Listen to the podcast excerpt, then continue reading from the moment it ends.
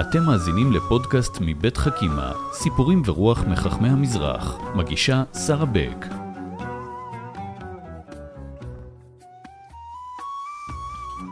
שלום לכם, ושלום לאורח שלי היום, הרב שמעון בן יצחק, בת שקשווילי. שלום וברכה. אז uh, לפי השם, אתם כבר יכולים לנחש שאנחנו עם יהדות uh, גיאורגיה. הרב שמעון רב קהילה ושכונה בקריית אתא, uh, בית הכנסת אוהל יצחק, עם 350 משפחות. אכן. Uh, חתיכת קהילה uh, מכובדת יש uh, בקריית אתא מהעדה הגיאורגית. ואני רוצה על ההתחלה, ואני רוצה עוד לומר שהרב בן יצחק חיבר שני ספרים, האות והמופת, עם פרקי הוד ומופת של רבני וחכמי גרוזיה. ספרים שריתקו אותי מאוד מאוד וריגשו אותי, לא יודעת אם זה בגלל שהייתי פעם בגיאורגיה, אבל ממליצה לכם מאוד. אני רוצה להתחלה לשאול אותך, אם היית צריך להגדיר את הקהילה היהודית בגיאורגיה, מה היית אומר? הייתי מגדיר את יהדות גיאורגיה בשניים, שלושה אופנים. Mm-hmm. אפשר לומר שהתורה למעשה היא מהווה חיבור מאוד גדול, מסירות נפש מאוד גדולה לתורה, שיהדות גיאורגיה עצמה למעשה מאז uh, שהגלה נבוכדנצר מלך בבל למעשה את... Uh, שאנחנו למעשה באים משבט יהודה ומשבט בנימין, אז הגלה אותם לשם. אז מה שמאפיין אותה למעשה היא התורה, ושתיים, היא המסירות נפש um, לעם היהודי, לזהות היהודית, לארץ ישראל, שתמיד היה קשר בין יהדות גיאורגיה ובין ארץ ישראל. אלו שני... שני הדברים... שני אלמנט, העמודים ש... החזקים, בוודאי. תורה, תורה וארץ ישראל. ומסירות נפש לארץ ישראל למעשה. אלו שני הדברים גם שמשה רבנו מסר את נפשו למען תורת ישראל ולמען למעשה העם היהודי, כן, כן, ארץ ישראל, ודאי. אנחנו בטח נרחיב בהמשך, אבל באמת אה, הקהילה הזאת היא יוצאת דופן מהבחינה הזאת שהייתה תחת שלטון סובייטי ועדיין כן. נשארה עם בתי כנסת פתוחים ועם אה, חיבור חזק ועם יהדות גלויה. ודאי. אה, ובאמת סיפור מאוד מאוד מעניין. בוא נפתח בסיפור, אנחנו בחכים אוהבים סיפורים. תספר לי סיפור שככה יביא את מה שאתה אומר. ממש בקצרה, זה קרה בשנת 1953 עם מותו של סטלין. כשסטלין mm-hmm. מת, אז uh, יצאה הוראה מבית מדרשו לסגור את כל בתי הכנסיות בגרוזיה למעשה, בגיאורגיה, mm-hmm. כן, של היום. אזי נסגרו כל בתי הכנסיות, ובפרט גם בקוטאיסי יצאה הוראה לסגור, ובית הכנסת למעשה היווה את, את המרכז שמאחד את כל הנשים, גברים וטף, דרך הרב של הקהילה. זה היה המרכז הקהילתי, המרכז זה הקהילתי, החיים. המרכז הקהילתי, בית שחיטה, מקווה, מקווה, מקום לאפיית מצות, מקום ללימוד תורה, לחינוך נערים. מקום שהיווה את כל המסרים שהרב הראשי של, ה, של העיירה, של העיר למעשה, העביר mm-hmm. דרך דרשותיו ודרך הודעותיו בבית הכנסת. Mm-hmm. זה, זה היה בית כנסת למעשה. ואז יוצאת הוראה בעקבות מותו של סטלין, בסוגריים נגיד שהוא אה, בעצמו גיאורגי, כן. לסגור את בתי הכנסת, מה הקהילה עושה? הקהילה מסתמה, הם טקסו עצה מה לעשות, ולאחר מכן, או אז, כרגיל, כפי שהגדרנו את אה, יהדות גיאורגיה, של יהדות של מסירות נפש, הם לקחו באישון, אה, באישון ליל, כאשר באו הטרקטורים והקלגסים לעלות על אה, מתחמי בתי הכנסיות, ובפרט שזה קרה בבית הכנסת הגדול בקוטאיסי, אז פשוט הם נשכבו על הרצפה, הגברים נשכבו ליד כותלי בית הכנסת, לאחר מכן הנשים אחריהם, ולאחר מכן הטף, וכל הילדים ככה שראו אותם בולדוזרים ואותם קלגסים וטרקטורים, שאי אפשר פשוט להרוס את בית הכנסת, צריכים לעלות על הגופות, הם הרימו ידיים ופשוט חזרו אחורה, שמרוב המסירות נפש, ש... שיהדות גרוזיה, מדהים. למעשה כל אותם אנשים באו ואמרו, אם אתם רוצים להרוס את בית הכנסת, קודם כל זה על גופותינו. על, גופות, על הגופות שלנו אתם צריכים לעלות. רק, רק לאחר מכן אולי תגיעו לכתלים של בית הכנסת. וכך ניצל בעצם אה, בית הכנסת, ניצל... ולא הולאם לטובת המשטר הסובייטי. בוודאי. וככה אנחנו היום יכולים להגיע למשל לבית הכנסת בקוטאיסי, למצוא מניין לא גדול של אה, מתפללים. כן, לא גדול, אבל עדיין יש מניין, אבל כן. אבל בית כנסת מאוד מאוד מרשים, כן, והקירות שלו מספרים שהיו הרבה מספרות, אנשים שאהבו את, אה, את התורה. כפי שמתואר שם, והכל גם אה, מסתם מובא בספרים. בספרים, בספרים שלך, האות והמופת. אה, בוא רגע נלך אה, אחורה. הזכרת את אה, גלות בבל. יש, בעצם המסורת היא שיהודים נמצאים בגיאורגיה כבר אלפי שנים. אכן. אבל מתי, מתי בעצם אה, אנחנו, יש תיעוד מאוד מפורט על אה, יהדות יש שם? למעשה, החוקרים, ההיסטוריונים שחקרו את הדבר הזה, למעשה הגיעו עד שלמנסר מלך אשור. אבל אה, מהבדיקות שאני בדקתי, קצת להיכנס לפרטים טיפה, יש ספר שהוא מגדיר את, את גרוזיה, חיי קארטלי. הרי העיר הבירה הראשונה הייתה קארטלי. כלומר, חיי קארטלי, זה בגיאורגית נקרא קארטלי סחוברבה, שכאן כתוב, ששם כתוב, או אז הגלה נבוכדנצר מלך בבל את היהודים לשם. ויש מדרש איכה רבתי, שלמעשה הוא באמת, אה, הוא, המדרש עצמו, הוא זהה מאוד למה שכתוב בחיי קרטלי, כי הוא ספר נוצרי שנכתב, או אז הקדוש ברוך הוא הגלה את היהודים דרך ארמניה, הוא לא רצה להגלות אותם דרך מדבריות, כיוון ששם, בגבול של ארמניה, הרי היא גרוזיה, mm-hmm. היא גיאורגיה, יש שם מעיינות טובות ויפים. אז כדי שהיהודים לא יסבלו, אז mm-hmm. הקדוש ברוך הוא הגלה אותם. אה, זה מעניין. מובא על הפסוק במדרש איכה, נסקד או לבונך, כן. מדהים. טוב, אבל אנחנו כמובן, ההיסטוריה הקרובה יותר, uh, יותר פרוסה בפנינו. Uh, גם היא פרוסה בפנינו, וגם יש קברים במאה הרביעית. יש, 아, וואו. כן, מובאים, בוודאי. מובא בספר הקבלה לרע, לראב"ד, שגיאורגיה כארץ גורגין, אפילו ראש גלותא של בבל היה ממנה בגרוזיה, כלומר בגיאורגיה, בקרטלי של אז לא היה מתמנה שום רב בגיאורגיה ללא הסכמה של ראש גלותא בבבל עד כדי כך. מעניין. כן, זה מובא וזה בספרים. וזה מסביר, אגב. מובא כן. כאן בהקדמות, בוודאי, בספרים שאנחנו הוצאנו. וזה מסביר למה בעצם, אה, לכאורה, מישהו היה יכול לחשוב, שנייה, רגע, אנחנו פה באירופה, או ב... איך זה שלרב... בגיאורגיה קוראים חכם, כמו כן. בקהילות המזרח. אתה. אומר שהקשר היה לבבל. לבבל, בוודאי. למעשה, בבל היו מחליטים הם, איזה רב ימונה. איזה רב ימונה. באותן עיירות אה, מאוד מאוד עתיקות אה, של צחינוואלי ואחלציחה וקוטאיסי וטביליסי, שלמעשה הראש גלותא שם היה ממנה את אותו רב, והוא למעשה היה נתון למרותו. לכן החכם גם נקרא ב, ביהדות גיאורגיה מפורסם חכם, תמיד. כן. חכם יעקב, חכם רפאל, זה, זה השם עצמו, כן. ושבילי. בוא נגיד רגע כן. מה זה בצ'קשווילי, למשל, שם המשפחה שלך. חקרתי, זה בצ'קה, בצ'קה זה עניו, מבחינת ענוותנות. בשבילי זה בן, כמו שאנחנו תמיד אומרים, אברמסון ודוידסון ויעקובסון, או, או כן. בן דוד או בן יעקב, אז אז בוודאי השבילי זה. בן, כלומר בן ענבים, כן. יפה. במידה ויש משפחה שהיא דוד השבילי, כלומר זה הבנים של דוד, הבנים של יעקב. במקביל לאברהמסון ויעקובסון, כלומר הבנים של יעקב וה- והבנים של אברהם. אני רוצה לשאול אותך על הקשר בין יהדות גיאורגיה לירושלים. הרבה מחכמי גיאורגיה בעצם הגיעו לירושלים, למדו, אכן. וחזרו להיות, אה, ודאי. לשמש בתפקיד יש ב- לנו למעשה את בגיאורגיה. החמישה המפורסמים ביותר. היה קשר מאוד מאוד הדוק, תמיד למעשה יהדות גיאורגיה היוותה, היוותה, היה קשר בין, בהתכתבויות של פוסקים, עד כדי כך שאני עכשיו עורך ספר שו"ת של חכמי גרוזיה, שו"ת חכמי גיאורגיה, שיש קרוב ל-200 שאלות ותשובות ב-150 שנה, ב-180 שנה האחרונות, מדהים. עד כדי כך. עם כל, עם הרב יישא ברכה, רבי יעקב שאול אלישר, עם הרב של מצרים, עם כל אותם בני, בני דורם לפני 120 שנה, לפני 100 שנה.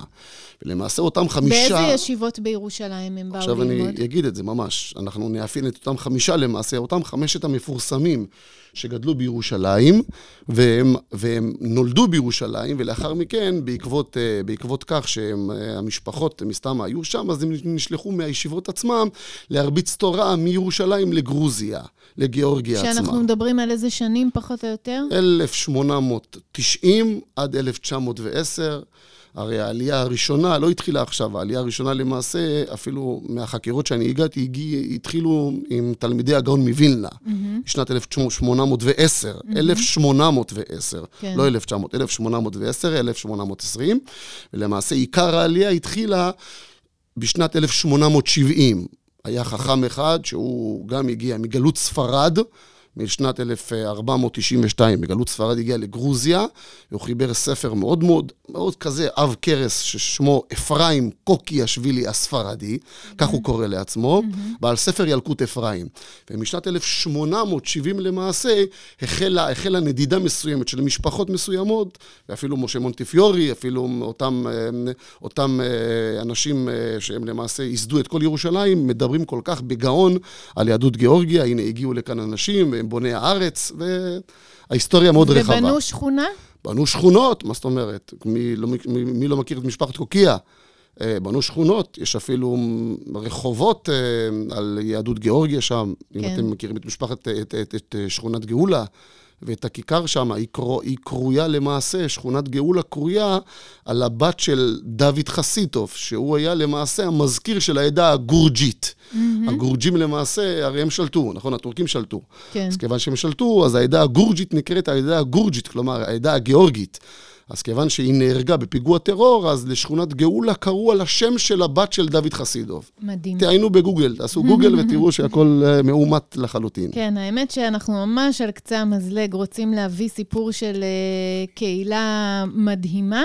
אז בואו נזכיר בכל זאת את החמישה הרבנים האלה, ככה בקצרה. אותם חמישה רבנים, בוודאי, אנחנו חייבים להם למעשה את כל, את כל יהדות גיאורגיה. בקצרה, היו למעשה חמישה תלמידי חכמים מאוד גדולים. הם למדו בישיבות הגדולות ביותר בירושלים.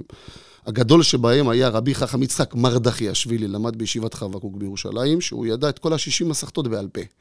והוא, לאחר מכן, אה, ודאי, הלך להרביץ תורה בגרוזיה בבנדזה, mm-hmm. בבנדזה. השני היה חכם חיים אלישבילי, התלמיד של הרב סבא קדישא, הרב שמואל אלעזר אליעזר אלפנדרי, mm-hmm. ידוע ומפורסם, הרב ייסא ברכה הסמיך אותו, למד אצל הרב שמואל מסלנט. והוא נשלח בשנת 1910, בנה מקווה, רבי חכם חיים אלישבילי, הדברים האלה מפורסמים וידועים, אתם גם יכולים לחפש את זה בגוגל. השלישי היה אמ, למעשה חכם ירמיהו חכיאשווילי, הוא נשלח להרים לעוני. הרב ניסים דנון הסמיך אותו בשנת 1914 לשחיטה. תלמידי חכם מאוד היה מקובל מאוד גדול. הרביעי היה חכם אה, דוד ג'נשווילי, שהוא נרצח על קידוש השם בשנת 1924, זה סיפור מדהים, רק לשמוע את זה עליו, זה ממש סיפור מדהים. הם למעשה גרו בשכונת היהודים, בשכונת היהודים, ברחוב היהודים שם, למדו ב, אה, אה, בישיבות שם, ואת כל הניגונים למעשה, את כל הטיבול המזרחי, האותנטי הספרדי, הם הביאו mm. מירושלים לגיאורגיה, עד כדי כך. והחמישי היה, הקטן שבתלמידים, היה חכם בן ציון פרמשווילי, הוא היה הבבא סאלי למעשה של יהדות גיאורגיה. חולל המון ניסים ונפלאות, המון ריפא, המון אנשים, שהשבוע למעשה היא פקידת uh, שנתו. נפטר. וגם הגויים היו באים אליו כדי כולם, לקבל כולם, ממנו כולם, ברכות. ריפא ממחלות ירח, המון, הכל מסופר פה פשוט בספרים. בחלק א', זה נפרס על פני 1,100 עמודים. כן. אתם יכולים בוודאי, הדברים, הספרים הללו גם יצאו מזמן, אבל אתם עדיין אה, יכולים בוודאי להתוודע לכל הדברים הללו. כן. אותם חמישה אנשים למעשה, אותם חמישה רבנים, הם... אה, הם, אה, הם, אפשר להגיד שהם עיצבו עיצבו את דמותה של יהדות גיאורגיה בכל המובנים. במאה ה-20 שנה האחרונות. במאה ה-20 שנה האחרונות בוודאי. הם ותלמידיהם, כן. ודאי. עכשיו אני רוצה לשאול אותך על הקשר שבין uh, החכמים לקהילה. Uh, נדמה לי שרוב הקהילה זה לא שכולם היו יודעי uh, ספר ולומדי גמרא בישיבות וכולי. Uh, כן שלחו את הילדים ללמוד אכן. בתלמודי תורה, את הבנים, אכן. והחכם היה בעצם כמו אבא. כן, אפשר מעין, להגיד מעין עובד זה? סוציאלי לכל דבר, מעין מועצה דתית קטנה לכל דבר. החכם היה למעשה עיקר הקהילה. עד כדי כך שיש מליצה בציבור שמגיע, מתפלל, מתפלל הוא שואל, "ישר, איפה הרב? Mm-hmm. הוא חייב לראות איזה דמות, כלומר רוחנית, שהיא נמצאת, אה, הרב נמצא? יפה מאוד. לא הוא י- לא יתחיל להתפלל, יפה, הוא לא מתחיל להתפלל, קודש? קודם כל, איפה הרב? איפה, הר- האם הרב קיים? מ- מלידת, מלידתו של האדם ועד פטירתו, לא עלינו, של האדם, הרב למעשה מלווה את המשפחות, כל משפחה ומשפחה, מברית המילה ועד פדיון הבן, ועד לחנוכת הבית, ועד לזבת הבת, ועד לבר מצווה, ועד לחתונה, ועד אה, בכל העניינים, בשלום בית, בענייני השחיטה, בענייני האכילה, בענייני... ממש. אתה יודע מה, אני נזכרת עכשיו באחד מהסיפורים שאתה מביא, וזה זה חוזר הרבה, על הרב בשבעה, כן, נכון? ודאי. מה, כלומר, זה לא רב שבא, אומר, אה, לא, אני מצטער איתכם בוודאי, זה לא והולך. ככה. הוא פשוט, תחשבי שרב אמור ללוות את המשפחה. כלומר, אז אה, אם נפטר אדם לבית עולמו, אז אה, הוא, היינו, אני זוכר עד היום, עושים הלוויות בערך ארבע-חמש שעות. זה לא עשר דקות, mm-hmm. עצור תמים פעולו, וישר עוברים לטקס הקבורה. פשוט זה היה מלווה בהמון דברי תורה ובהמון רגש, בהמון כמה, כלומר, שהאדם, זה לא תלוי בנו, וכי מעפר אתה ואל עפר תשוב. אבל הרב ש- שבעה ימים יושב עם המשפחה. שבעה ימים, יום-יום. קודם כל היו מתפללים בבית האבל, לא היו מגיעים לבית הכנסת. ודאי, אז זה היה מניין מסוים. ואם הרב היה צריך להיות בקהילה, אז אם לא בבוקר, בוודאי שבמנחה אה, ובערבית היה מגיע. היה תומך במשפחה, היה מדבר אל ליבם. זה פשוט מלווה אותם כ... כמעין עובד סוציאלי לכל דבר, לכל דבר, לכל דבר. ברגשות, בדברי תורה, בדברי הניחומים. Mm-hmm. היה ממש ככה שהמשפחות היו, ליבם היה מתרכך על הדבר הזה, כי למעשה הלוויה ופטירה וכל שכן של אדם מאוד קרוב ביהדות גיאורגיה זה היה ממש ממש קשה. עכשיו, הזכרנו קודם את זה שבסופו של דבר גיאורגיה הייתה תחת שלטון סובייטי, ואף על פי כן, אה, בעצם נשארה על תילה היהדות שם. ודאי, ודאי. איך אתה מסביר את זה? מה, מה, מה, למס... מה הצליח להם שלא קרה במקומות אחרים? אפשר לקשר את זה למעשה לאותם, לאותם שני דברים, שלושה דברים שאפיינו את יהדות גיאורגיה, שהיא תורה ומסירות נפש. אבל את... מול השלטון הסובייטי? מול השלטון הסובייטי רק מסירות נפש. כמו שכתוב, הרי למדנו בפרשת בשלח, אה, השם יילחם לכם ואתם תחרישון. התורה וה, והחיבור הזה, ההדוק הזה, ההדוק הזה בין הרב לבין הקהילה, היה כל כך חזק, וה, ו, ושמירת המצוות, קלה כבחמורה, אפילו אנחנו רואים שמאותו מאותו ביקור מפורסם של המשלחת מאמריקה שהגיעו אנשים משנת 1956, וביקרו בשלוש, בארבע עיירות, בקוטאיסי, בטביליסי, בעוני ובקולאשי, שימי לב, לא אנחנו מתארים את עצמנו. כן, אני, מה שאתה המשלחת... מדבר זה בעצם... אה, הבאת תיעוד מאוד יפה מעיתון כן. הצופה, אם אני לא טועה. אכן, אכן, אכן. שבעצם מגיעה משלחת של יהודים מארצות הברית. אכן. הם מרגישים שהם הגיעו לקצה העולם. נכון. והם רואים את הילידים מבחינתם כן, בגיאורגיה, כן. את הנייטיבס. אה, אבל יש התרגשות מאוד מאוד מאוד גדולה, וקהילה חמה, עם לב פועם, עטים עליהם, מחבקים אותם, מכבדים אותם, באים כולם. יש תמונות מדהימות, מדהימות של פשוט מאות אנשים שכל אחד מנסה לדחוף את הראש לבית הכנסת, נכון ככה מאוד. לתת הרגשה חמה ליהודים. וגם כשאני הייתי בגיאורגיה, אז אחד המקומות שהרשימו אותי מאוד, למשל, זה קולאשי. קולאשי כן. זה, זאת הייתה עיירה, כן. כפר כזה, ש-90% ממנו היה, היו יהודים. יהודים. אמ, וזה היה כמו שטייטל כזה. נכון. ובאמצע יש אה, שלושה בתי כנסת ובתי נכון. מדרש. וישיבה, ובית שחיטה. ובית שחיטה, ומגיעה מישהי עם התרנגולת, בוא, בוא, בוא, בוא תארגן לי כן. רגע, חוזרת החזרה עם השקית נוזלת. אכן, אכן. אה, משהו באמת... זה מסמל לך כמה, כמה היא הייתה מקורית. יהדות מקורית אותנטית, ללא, ללא תלות בשום גורמים כספיים או ממוניים כאלה ואחרים. נטו יהדות, נטו יהדות. לכן אני אמרתי, זה תורה ומסירות נפש. זה מה שלמעשה שמר על העדה שלנו. בוא נספר סיפור אחד שמאוד ידגים את העניין הזה אל מול הסובייטים דווקא, על אה, חכם עמנואל דוידשווילי. או. כן. אה, סיפור שמאוד מאוד התרגשתי לקרוא. הוא מגיע בעצם, אה, צריך לעשות אותו קצר, אבל הוא, הוא מגיע למוסקבה, ומה קורה שם? אכן, כן, אכן, שהם רצו לעלות לארץ. אה, בהתחלה זה התחיל בכלל משנת 1967, mm-hmm. שאסרו אותו שם. והרי שלושת האחים לבית משפחת מיכאלשווילי, שרצו לעלות לארץ, אז חכם עמנואל לפני זה פרץ למעשה את הדרך מבחינת המאבק שלו עם השלטון הסובייטי שם בטביליסי, כיוון שטביליסי הייתה עיר הבירה, והוא היה רב של העדה גיאורגית בטביליסי עצמה למעשה. Mm-hmm. ומרוב המכות חשמל שהוא קיבל בכלא, הזקן שלו הפך להיות בן לילה, משחור ללבן. Mm-hmm. וכשבאו האחים, שלושת האחים, פשוט לדבר איתו, הוא בא ואמר להם, הזקן שלי נהפך ללבן מהמכות חשמל ומהשרפות ומהשיפודים ששרפו לי את הרגליים, ואתם רוצים לעלות לארץ?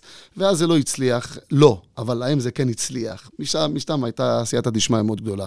בכל אופן, כשהוא רצה לעלות לארץ, אז ראש ה-KGB, לא פחות ולא יותר, של טביליסי, הוא פשוט נכנס איתו למאבק, ביחד עם הרב, עם הרב לוין, שהיה הרב הראשי למעשה של מוסקבה. Mm-hmm.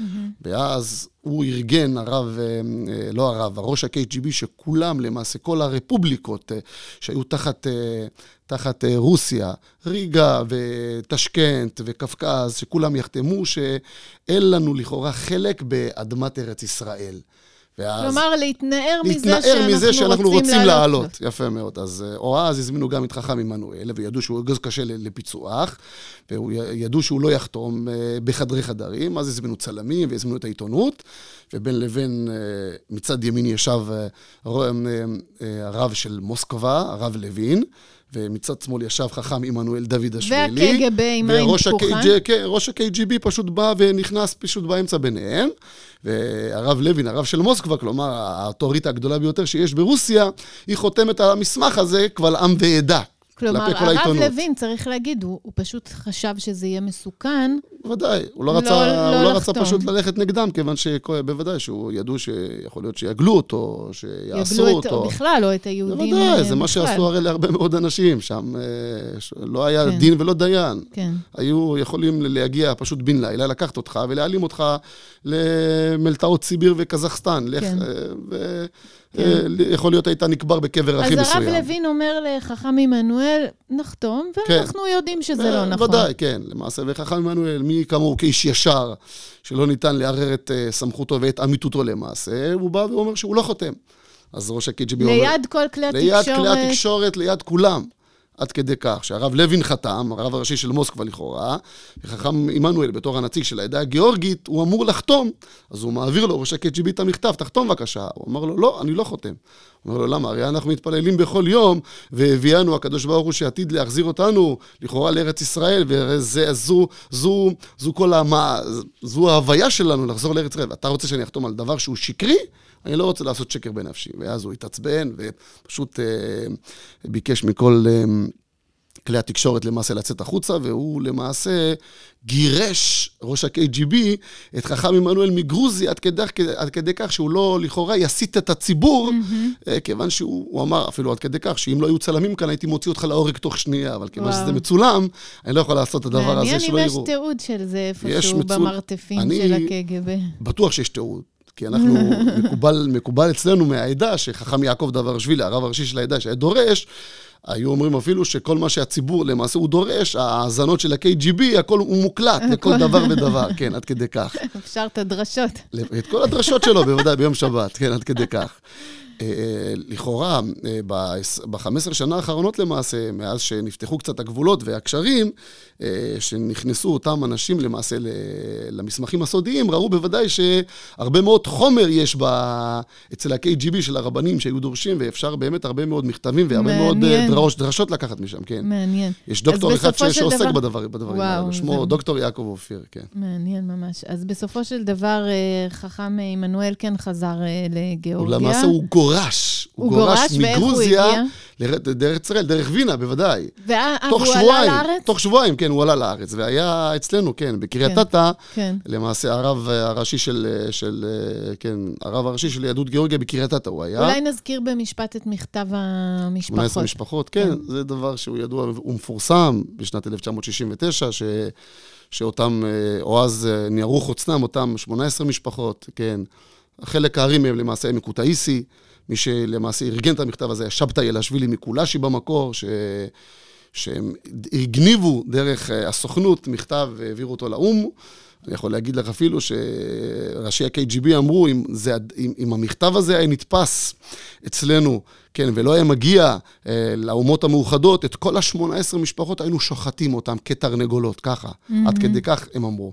אבל כיוון שזה כבר קיבל פרסום והד תקשורתי, עד שראש... שהם ביקשו בעצם לעלות אה, ארצה? כן, בוודאי, כתבו מכתב מאוד מרגש, וראשת ממשלת ישראל אה, גולדה מאיר, זיכרונה לברכה, כידוע שהיא קריאה אותו בכנסת, ולמעשה זה פרץ אה, את, ה, את, את גבולות רוסיה, למעשה יהדות גיאורגיה, למעשה פרצה את כל גבולות רוסיה, שהתחילה העלייה בשנים האחרונות. של אה, משנת 1971, 72 ואילך. אז משנות ה-70 אפשר להגיד שרובה ככולה של יהדות גיאורגיה עלתה לארץ. עלו בערך 60 אלף איש. שזה פסיכי. כן, כלומר, 60 כמה, אלף כמה איש. נשארו שם אז אחר כך? אה, נשארו למעשה בערך קרוב ל-20-30 אלף, זה... ולמעשה גם הם עלו ב, ב, ב, בעקבותם. והיום בשני... כמה יהודים יש בגיאורגיה? ממש אולי 5,000 4,000 יהודים. זה כן. פשוט מדהים. כן, עכשיו, לא זאת יום... עלייה של ציונות. אמיתית. פרופר. פרופר, מטעמי ציונות, עזבו בתים, לא עזבו גירשו אותם. לא גירשו אותם, ודאי. כל, כל הזמן תמיד הרבנים היו דורשים, למען ציון לא אחשה, ולמען ירושלים לא אשקוט. והדברים הללו של ציון במשפט תיפדה ושביה בצדקה, פשוט היו בשבעה דנחמתה, שהיו דורשים על, על תשעה באב ועל כל אותם נחמות, זה היה אצלנו בעדה, סוס אסיס בהשם, תגל נפשי באלוקיי. כן. אלו היו, רק הרב היה מתחיל פשוט לצטט את הציטוטים של ישעיה הנביא, והציבור עצמו לא היה אפילו נותן לרב לסיים את הפסוקים מרוב האדיקות והכמיהה האדירה שהיו למעשה לכל יהודי גיאורגיה לעלייה לארץ ישראל. וואי, אנחנו ממש מתקדמים. אני רוצה להספיק לשאול אותך כמה דברים. אחד זה על הקשר בין יהדות uh, גיאורגיה, גם לליטא וריגה וגם לחב"ד. יש קשר כן. חם דווקא לחסידות חב"ד. כן, אני למעשה התעסקתי בדברים הללו, לקשרים הללו, בחלק השני של הספר האות והמופת, ויש שם הקדמה מאוד יפה שהיא מאפיינת את אותם מרכזי תורה למעשה שהם הרביצו תורה בגיאורגיה. כן, ודאי, הדברים ידועים ומפורסמים, ש... הרבה מאוד תלמידים למעשה של גדולי ישראל, של רבי מאיר שמחה מדווינגס, ששלח את רבי חיים קובצ'אן להרביץ תורה בטביליסי, ו, ותלמידים של אמ, אדמו"ר הרש"ב, שעלו, שהרביצו תורה למעשה, שהם רבי שמואל לויטין, ורבי אברהם, אברהם סלבים, שהרביצו תורה בקוטאיסי ובגרוזיה. כלומר, הגיעו רבנים מאירופה. הגיעו שלוחים למעשה, כן, שדרים. סוג של שלוחים. כן. וסייעו... הרביצו תורה בגרוזיה וסייעו לאותם חכמים. אבל הם גם נשארו שם, הם ממש הרגישו חלק מהקהילה. חלק מהקהילה. הראשון למעשה שנשלח זה היה רבי אברהם הלוי חבולס, תלמידו של רבי יצחק אלחנן ספקטור. שנים? מקובנה, 1880. 1890, שלמעשה הוא הראשון שפתח תלמוד תורה בצחינוואלי, ובתלמוד תורה הזה היו 400 ילדים שלמדו תורה. מדהים. והוא למעשה היווה כמעין, דוג, דוג, כמעין דוגמת מופת לכל עיירות גרוזיה. וגם חממה לתלמידי חכמים, שאחר כך... אה, אני קראתי על, על תלמידי חכמים שבגיל 16-18 כבר ידעו את כל הש"ס. בוודאי, ו... חכם בן ציון וחכם חיים אלישווילי, בוודאי, הדברים ידועים מפורסמים, מובאים כאן בספרים, בוודאי. כן. כן. אה, בואו נספיק לדבר רגע, ניקח שני מנהגים. בין לבין, גם mm-hmm. חב"ד בוודאי, שבאו לאחר מכן ב-1916, לאחר שחכמי ליטא למעשה היו שם. אבל חב"ד למעשה גם קישרו אותם למעשה והרביצו עוד יותר תורה שם. אבל עם כל זה שריגה וליטא ואותם אה, לכאורה רבנים ליטאים או רבנים חב"דניקים באו והרביצו תורה, עדיין הקשר פרופר עם הקהילה היה נעשה לבין החכם הגיאורגי וקהילתו. כן. הם היו המשפיעים, כי הם באו למעשה אה, בקשר ישיר עם המתפללים עצמם. כן. לכן זה עד היום שונה שבאים ומזמינים אותי לבתי, לבתי דין רבניים, כן. ש, שאני בא לכאורה עם, עם את יודעת, עם, עם הוויה גיאורגית וכולי, אני יודע איך הקהילה בנויה ואיך, ה, ואיך המשפחה בנויה, אז הם, אני יודע יותר לאפיין את הזהות היהודית שלהם, לכן כן. מאשרים יהדות תוך שנייה, ולא צריכים למעשה את הקשר החב"די או את הקשר הליטאי. כן, אני רוצה להגיד כך. למאזינים שלנו עכשיו, שלקבוע איתך היה מסובך, למה? פעם יש בר מצווה, פעם כן, יש פעם חתונה, פעם, פעם יש... זה... כן. אה, אתה ממש אה, עובד עובדים, סוציאלי בקהילה. בקהילה. מטפלים בקהילה. בוא ניקח אה, אה, את פורים כדוגמה. בבקשה. אה, שייתן לנו ככה צבע למנהגים. למעשה פורים היה, זה היה לא יאומן לראות. את, אפילו יש רב שהוא כתב ספר. Mm-hmm. בשנת 1800, למעשה 69, הוא, הוא ביקר בגרוזיה. Mm-hmm. כן, ודאי. קוראים לו צ'ורני, צ'ורני. יש ספר, ספר המסעות לצ'ורני, ואם את תקראי שם, לא אני מה שאני מדבר, mm-hmm. איך הוא מתאר את קוטאיסי, שאנשים רוכבים על סוסים כמו מרדכי והמן, עד כדי כך. זה wow. היה לא יאומן לראות בשיירות עוברים ככה, והחכמים, ה... לאחר מגילת אסתר, בכל בית ובית, לתת להם משלוח מנות לכל משפחה, לברך אותם בפורים בשמחה. Mm-hmm. לא פורים שמח, אלא פורים בשמחה. זה היה ממש לא יאומן כי יסופר. והיו מנהגים מסוימים בוודאי, שהרב היה, אה, שהיו אוכלים תרנגולות מפותמות, והרב היה מגיע, והמשפחות היו מעניקות לו אה, דמי פורים, והמון מסירות נפש מאוד יפה. אני עד... רוצה לשאול אותך משהו. יש מנהג מסוים, אם כן, את רוצה, כן. אם דיברנו כבר על הפורים, כן. אצלנו בעדה, אה, שאנחנו מתפללים לפי סידור תפילת החודש, לא סתם קוראים את המגילה, יש ממש הקדמות לכל דבר. יש פורים פורים, יש שיר מיוחד, פיוט מיוחד, שממש בטיבול מאוד יפה. אה, פורים פורים פורים לנו, ברוך אשר בחר בנו, ויתרומם שם אלוקינו, הנוקם את נקמתנו, מעמלק ראש צרינו, כי ברפידים נלחם בנו. אנחנו שרים את זה לפני, ומדליקים נרות בקריאת המגילה, ויש שמש מצד ימין, ושמש מצד שמאל, בערב המגילה, ובבוקר קורא מגילה, הם ירננו אל אל, כי מקום תהילה הייתה לישראל. אפילו שיש פסוק ליהודים הייתה אורה ושמחה וששון ויקר. הגמרא דרשה, אורה זו תורה, שמחה זה יום טוב. ששון זו מילה שנאמר ששון חייה למרתך, ויקר אלו, אלו, אלו הם התפילין. וכאשר מזכירים את המילה ויקר בקריאת המגילה, שהתפילין בשחרית על הראש, יש לנו מנהג לגעת ולמשמש בתפילין mm. כדי להזכיר את דרשת הגמרא. עד כדי כך. ועוד הרבה מנהגים ש... המון, המון, באמת אנחנו... יכלה הזמן והמה לא יכלו. כן. מה שרציתי לשאול אותך זה, באיזה גיל עלית? אני נולדתי, נולדתי כאן. נולדת כאן. תוצרת ישראל, ההורים שלך uh, מגיאורגיה. ההורים עלו, כן, ההורים עלו. ויש שמחה גדולה על, על מימוש של הציונות ועל דברי הנביאים שאנחנו רואים שיהודים עלו אחרי. לארץ וכולי. ואני רוצה לשאול אותך אם יש לך איזו צביטה קטנה, שלא, אתה לא חי את היהדות החמה הזאת שם, כמו שהיא הייתה עם ה... אני יכול להגיד לך, למעשה מאוד, אה, למעשה מחמם וגם קורע לב, mm-hmm. לפני שלוש שנים, למעשה ביקשו ממני לעלות, להעלות גופה mm-hmm. מעוני. Mm-hmm.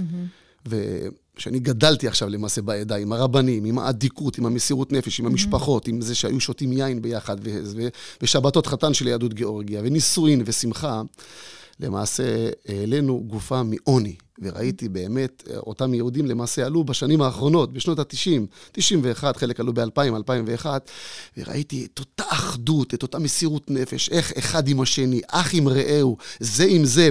אמרתי לאותם חברים, ידידים שלי, קולגות שלי רבנים, ראיתי את גרוזיה האמיתית למעשה, שעלינו לארץ, וזה קצת למעשה בתקופה האחרונה מאוד התרופף. עצם, עצם, עצם תמיהתנו כאן, בוודאי עצם התמורות שנעשו, עצם זה שברוך השם ישראל משפיע כן לטובה בוודאי, על הקדמה, על הלימודים, אבל מעיד מאידך, הייתה חסרה לי האדיקות, המסירות נפש, תמימות, משהו. האחד בשביל השני, שראיתי את זה באמת בבאר שבע, בקהילה, בקהילה שם, שראיתי ממש ממש את, את, את, את יהדות גיאורגיה עצמה, ש, שהיינו לכאורה בהלוויה של אותו בחור צעיר שנפטר, זה היה מאוד חסר לי. וזה מה שלמעשה מאפיין את יהדות גיאורגיה, התורה והמסירות נפש, כן. והאחדות והאדיקות של אחד עם השני, החיים הללו, שהיו חיים לפעמים חמישה, חמש משפחות בבית אחד, אבל לא היה חסר שום דבר. למה?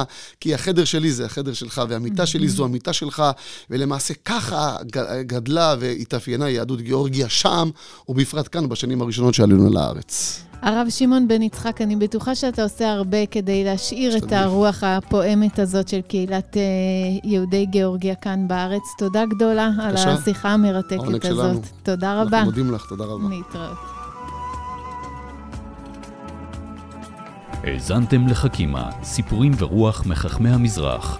פודקאסטים נוספים תמצאו באתר חכימה מבית מטח, בתמיכת משרד החינוך, קרן אביחי ומשרד ירושלים ומורשת.